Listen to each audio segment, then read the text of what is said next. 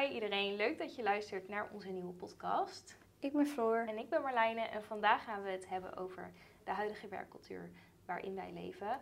Ook wel hustle culture genoemd. En de stelling van vandaag is: de prestatiemaatschappij is iets positiefs. Wat is jouw mening daarover? Nee, ben ik het niet mee eens. En waarom niet? Ik denk dat het gewoon veel te veel druk op iedereen legt. En dat iedereen alleen maar beter wil doen en op een gegeven moment dan houdt het op. Dan Ja. kan je niet meer. Ervaar jij zelf ook druk van die prestatiemaatschappij? Nou, dat valt gelukkig wel mee. Ik wil het natuurlijk wel goed doen en zo. Maar het is meer dat ik me vergelijk met anderen, de hoeveelheid werk. Als in eh, bijvoorbeeld iemand, iemand die de hele dag bezig is met werk of zo. En dan denk ik, ja, dat valt bij mij wel mee, zeg maar. Ik heb best wel een goed, goede balans. Dat ik ook wel gewoon eh, een dagje niks kan doen. Of alleen kan Netflix of zo. Want hoe ervaar jij dat? Over die stelling: de prestatiemaatschappij is iets positiefs. Daar ben ik het inderdaad ook niet helemaal mee eens. Zelf ervaar ik niet super veel druk, maar wel af en toe dat wel in je omgeving van je verwacht wordt dat je bezig bent. Ja. Altijd met dingen. En Dat- dat het normaal is om je hele week van begin tot eind te hebben volgepland. Ja, ja dan heb je het gevoel alsof je zelf iets verkeerd doet of zo. Ja, dat zeg maar als je een dag gewoon even niks hebt, dat het dan wordt ervaren alsof je ja, geen leven hebt, om het zo maar ja, even te zeggen. inderdaad. Ja. Die stelling hebben we ook aan jullie voorgelegd. Eh, dus aan het einde van deze podcast gaan we jullie mening bespreken. Ja, ik heb natuurlijk eh, heel erg ingelezen voordat ik ehm, deze podcast ging doen met Floor. En ik had er wel een beetje kennis over. Ehm, en ik had ook wel wat hè, hypothese en zo. Ehm, nu bijvoorbeeld ehm, heb ik wat gevonden in een artikel van eh Bedrock. Ik weet niet hoe je het uitspreekt, Bedrock. Daaruit blijkt dat eh, minder tijd besteden aan werk mensen juist creatiever, blijer en eh, meer gefocust maakt. En daarnaast blijkt uit Amerikaans onderzoek dat te veel of te lang werken eh, zorgt voor minder productiviteit bij 68% van de werknemers. Ehm, merk jij dat ook? Dat je bijvoorbeeld soms een lange dag hebt en dat je eigenlijk gewoon eh, helemaal niet zo productief eh, meer bent? Aan het eind van de dag bedoel je? Ja, of gewoon door de dag heen dat je misschien de volgende dag bijvoorbeeld te lang hebt doorgewerkt. Of... Ja, ik merk wel als ik de dag ehm, bijvoorbeeld eh, in de ochtend heel veel heb gedaan, dat in de middag mijn productiviteit wel heel erg afzwakt. En Ja. als ik dan naar huis ga, dat ik echt het idee heb van ja, heb ik nu wel wat productiefs gedaan, terwijl aan het begin van de dag ben je wel gewoon druk bezig. Ja. ja, het begint altijd zo goed en dan uiteindelijk dan zit je echt elke keer te kijken naar de klok en dat je echt die wijzers zo heel Ja. langzaam ziet gaan. Ja, dat heb ik ook wel inderdaad. En uit een onderzoek van de Noorse onderzoekster eh, blijkt dat 26% van de onderzochte mensen die kwalificeren als workaholics eh, kenmerken vertonen van OCD, dus een obsessieve compulsieve stoornis. Ehm, in tegenstelling tot 9% van de mensen met een betere balans tussen hun werk en privéleven. Vind ik best wel een heftige ehm, ontdekking eigenlijk. Ja, zeker. Een heel groot contrast ook. Ja, klopt. En ehm, ik zei net natuurlijk workaholic. Even definiëren wat een workaholic eh, precies is. Want je wordt een workaholic als je nadenkt over hoe je meer tijd kan vrijmaken om te werken. Stress krijgt als je niet kan of mag werken. Van anderen hoort dat je minder moet werken, maar er niet naar luistert. Ehm, zoveel werkt dat het een negatief effect heeft op je gezondheid. En als je hierin herkent, kun je natuurlijk eh, hulp zoeken bij een professional. Ehm, omdat het gewoon best wel, ja, dus heftige, ehm, hoe zeg je dat, gevolgen kan hebben. Dus OCD en ehm, bijvoorbeeld ook een burn-out. En ehm, dit kan ook bij studenten voorkomen, dus je hoeft niet per se een fulltime baan te hebben om deze klachten te ervaren. Precies. En zoals je al zei, als je je herkent hierin, lijkt het me inderdaad verstandig om op tijd hulp te zoeken. Want als je hier lange tijd mee blijft zitten, dan kan het zelfs leiden tot depressie en suïcidale gedachten. En dat is natuurlijk iets wat je niet wilt. Nee. Het gaat ook te ver als je lichaam aangeeft dat je niet verder kunt, maar je alsnog verder gaat. Er zijn ook een paar eh, ontwikkelingen in de afgelopen jaren die vooral tijdens de studie ehm, bij studenten eh, heel veel eh, druk met zich meebrengen. En dat zijn het afschaffen van de basisbeurs, de invoer van de langstudeerboete en het bindend studieadvies. Eh, je studie zo snel mogelijk moeten afronden en direct de juiste studie moeten kiezen. En tijdens je studie aan eh, je cv moeten werken doordat eh werkgevers ook hoge eisen stellen. Dat vind ik inderdaad ook wel hoor. Er wordt wel van je verwacht ook, bijvoorbeeld als je een beginstage gaat doen, dat je al ervaring hebt. Ja, klopt. En dat er bij bijvoorbeeld vacatures staan van minimaal zoveel jaar werkervaring. Ja, En ik heb ook het idee dat iedereen op de studie elkaar een beetje zit op te of zo. Zo van, ehm, tenminste, ik merk zelf bij studenten en zo, dat je soms zegt van, oh, ik heb vannacht zo kort geslapen, oh, ik heb gisteren zo lang overgewerkt of zo, weet je wel. Ik heb tot twaalf uur s'nachts aan mijn verslag gezeten. Een soort van ophemelen eigenlijk. ja alsof het een prestatie is. Ja, en alsof het echt iets is waar je, ehm, dat het ervan afhangt, daarvan afhangt of je respect eh, moet krijgen of niet, zeg maar. Dat je waarde daaraan eh, ja, precies. lijkt gekoppeld. We leven nu gewoon in een maatschappij waar het eigenlijk ehm, de bedoeling is dat je je constant moet bewijzen. En dat is ook een groot vooroordeel eh, over onze generatie. Ja. Dat wij, eh, er wordt vaak gedacht dat wij niks doen Ja, en lui zijn. Terwijl eh, als je bedenkt wat voor ehm, ja, prestaties we al op jonge leeftijd moeten doen. En ook dat je gewoon je vervolgstudie ervan afhangt. Weet je wel, dan wordt bepaald of je MAVO, HAVO of VWO, ehm, gewoon of je een bepaald niveau moet doen.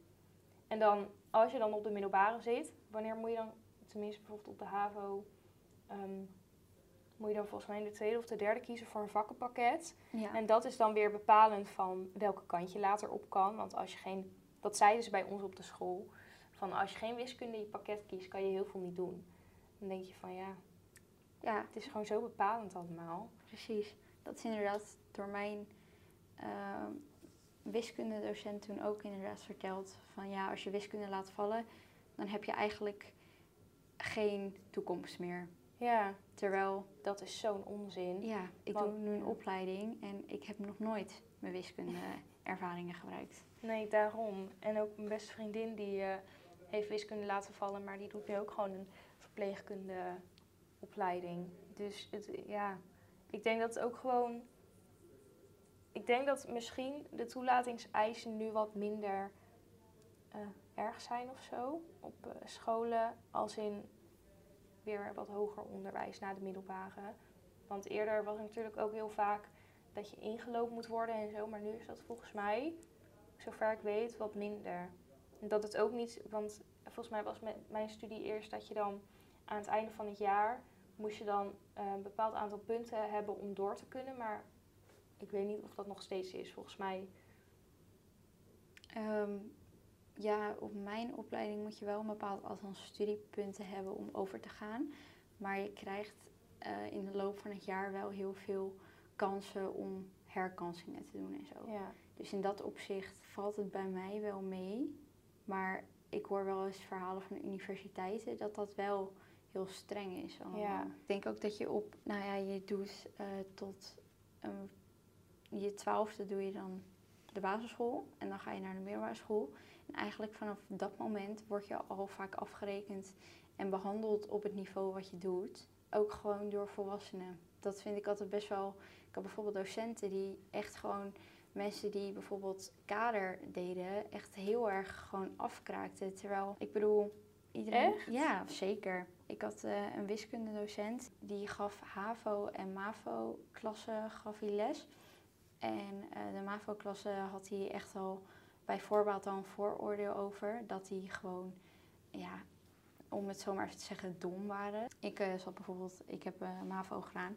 En ja, weet je, ik vind het allemaal prima wat voor niveau je doet. Ik zou er ook nooit iemand afrekenen op het feit of ze basiskader, HAVO, VWO, weet Nee. je. En ehm, ik denk dat het eh, op dit moment heel erg in de maatschappij wordt gezien dat als je goed bent in theoretisch, dat je dan slim bent. Terwijl we hebben ook zo hard mensen in de praktijk nodig. Dat is echt zo. Maar dat is net zoals ehm, bijvoorbeeld ook dat het sommige mensen die bijvoorbeeld in een kledingwinkel werken of bijvoorbeeld kapster zijn of kapper, die krijgen volgens mij ook heel vaak opmerkingen als van ehm, wanneer neem je een echte baan, weet je wel, naar een hoofd toe geslingerd. Dat is een soort van zo'n eh, heel gek, er heerst iets op waardoor sommige banen, of bijvoorbeeld schoonmaakster, dat dat niet als echte baan wordt gezien. Terwijl ik denk, ja maar, sorry, maar ik heb zelf persoonlijk echt veel meer aan een schoonmaakster dan iemand een, een hoge pief eh, bij de bank of zo, weet je wel. Precies. Maar het wordt zo gezien alsof we elke keer steeds een stapje hoger en steeds een stapje meer.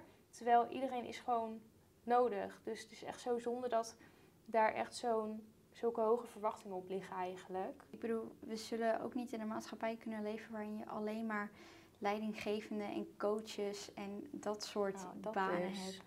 Kijk, eh, het wordt wel vaak van je verwacht dat je zo'n eh, zo'n bepaalde baan later gaat uitvoeren. Maar ja, zonder werknemers die echt oprecht het werk uitvoeren, zijn we hier nergens. Ja. Dan kom je nergens. Ik bedoel, zonder de timmerman en de schilder en de kapster en eh, nou, de schoonmaakster, Ja, ja, gaat het ook niet werken. Dus Nee. ik vind het eh, wel een hele aparte ontwikkeling die de afgelopen jaren is geweest. Dat dat wordt gezien als iets slechts Ja. als je zo'n baan uitvoert. klopt. En ik had het net ook al over, of in het begin noemde ik ook al hustle culture. Ehm, ja, wat we daar eigenlijk mee bedoelen is dat, ehm, zoals we net al een beetje zeiden, van hoe meer je werkt, hoe beter eigenlijk. Weet je wel? Ja. Bijvoorbeeld ook, ik heb zoveel koffie gedronken vandaag, eh, weet je wel. Want ik, ik heb echt slecht geslapen, ik moest heel lang overwerken. Alsof een soort van je waarde daarvan afhangt. Alsof het iets heel goeds is, dat ik denk, meid, ga gewoon op tijd naar bed, weet je wel. Dan Ja, krijg je het er niet af. Of bijvoorbeeld dat je s'avonds laat nog op mailtjes zou moeten antwoorden van werk. Of een beetje dat het gewoon, hoe meer werk, hoe beter. En ook, ik had een beetje voor de gein wat motiverende quotes opgezocht. Om te kijken, hè, eh, wat kom je nou eigenlijk allemaal tegen. Eh, There are way easier places to work, but nobody ever changed the world on 40 hours a week. Sorry voor mijn uitspraak. Ehm, drie keer raden wie dat heeft gezegd. Elon Musk. Aha. Ja, dus. ehm, of ja, dat stond ergens, hè? Het is niet geverifieerd. Maar er stond, nou ja, dit, eh, dat soort dingen. En ook van eh, sleep is for the weak. Die heeft iedereen natuurlijk wel een keer gehoord. Eh, don't stop when you're tired, stop when you're done. Um, I've got a dream worth more than my sleep. En dat ik denk, dat zijn eigenlijk, die quotes worden verhuld als iets positiefs, als iets motiverends. Sowieso hustle culture wordt gezien als iets positiefs en als iets goeds. Van werken is goed en dat. Maar er is natuurlijk een verschil tussen gewoon werken en overwerken en echt dat je leven erom draait. En dat het echt dat je zelfwaarde en de waarde van anderen er soort van, van afhangt voor jou. Ehm, dus dat, dat, ja, ik weet niet, dat draagt er wel een beetje aan bij. Bijvoorbeeld die quotes, dat het, hoe zeg je dat? Dat het daardoor alleen maar erger wordt. Dat je het idee hebt van, oh my god, maar ik doe iets niet goed of zo. Als je bijvoorbeeld wel een keer een middagdutje of zo neemt. En ook, ehm, ja, ook andere dingen die dragen bij in deze instelling. We hadden het net al over vacatures die zei, eh, waarin staat dat je dan heel veel werkervaring moet hebben terwijl je net klaar bent met je studie. Maar ehm, ik zie ook heel vaak in vacatures staan eh, van dat ze iemand zoeken die geen 9 tot 5 mentaliteit heeft. Ik weet niet of je dat herkent. Ja, super vaak tegengekomen.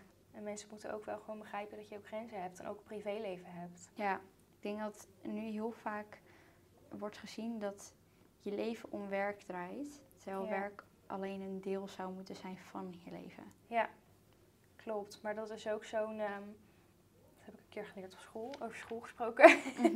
Ehm, zeg maar de, de American Dream, weet je wel. Dat je echt leeft om te werken. Daar Ja. zien ze dat zo. En in Europa was het eigenlijk altijd andersom. Terwijl ik het idee dat we steeds meer ook die Amerikaanse mentaliteit daarin krijgen. Van. Maar dat zie ik ook heel vaak op social media. Echt van die posts daarover met bijvoorbeeld van die quotes die ik net opnoemde.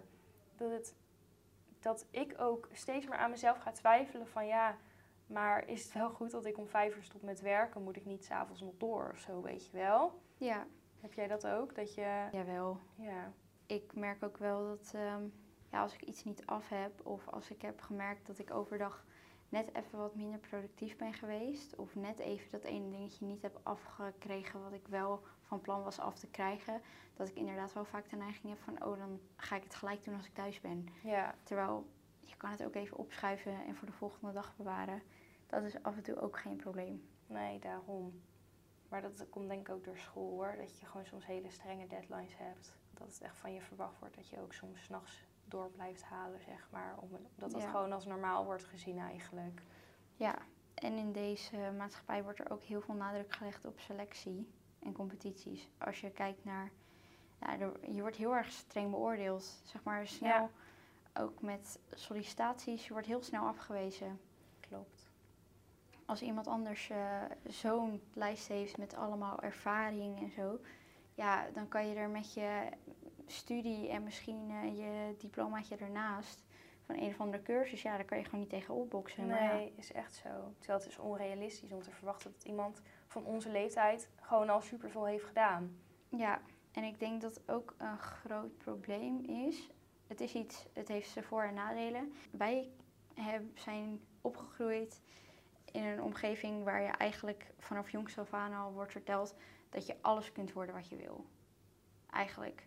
Ja. Maar, en vroeger was dat veel anders. Het was veel minder breed en nu heb je, nou ja, opleidingen zoals, eh, eh, wat heb je nou, communicatiewetenschappen, eh, ja, heel veel. creative business, dat soort dingen. Ja. En ja, ik denk dat, ja, het is allemaal leuk. En dan denk je, je hebt waarschijnlijk het perfecte plaatje in je hoofd. Van hoe je Mhm. dat dan later, oké, dan ga ik deze opleiding volgen. En dan word ik eh, de baas van dit bedrijf. En het zijn helemaal, zeg maar, leuke dromen. Maar het kan, je kan niet altijd de beste. nee, en, snap je? En natuurlijk als je dat heel graag wil en als je er gewoon wil voor werken, dat is ook goed. Het is ook natuurlijk supergoed om te werken aan je droom, maar je moet niet ehm, dat, je, ehm, dat de balans tussen je privé en je werkleven gewoon helemaal weg is. Dat je 24-7 met je werk bezig bent en met je toekomst en met wat je wil worden, want dat is gewoon niet goed.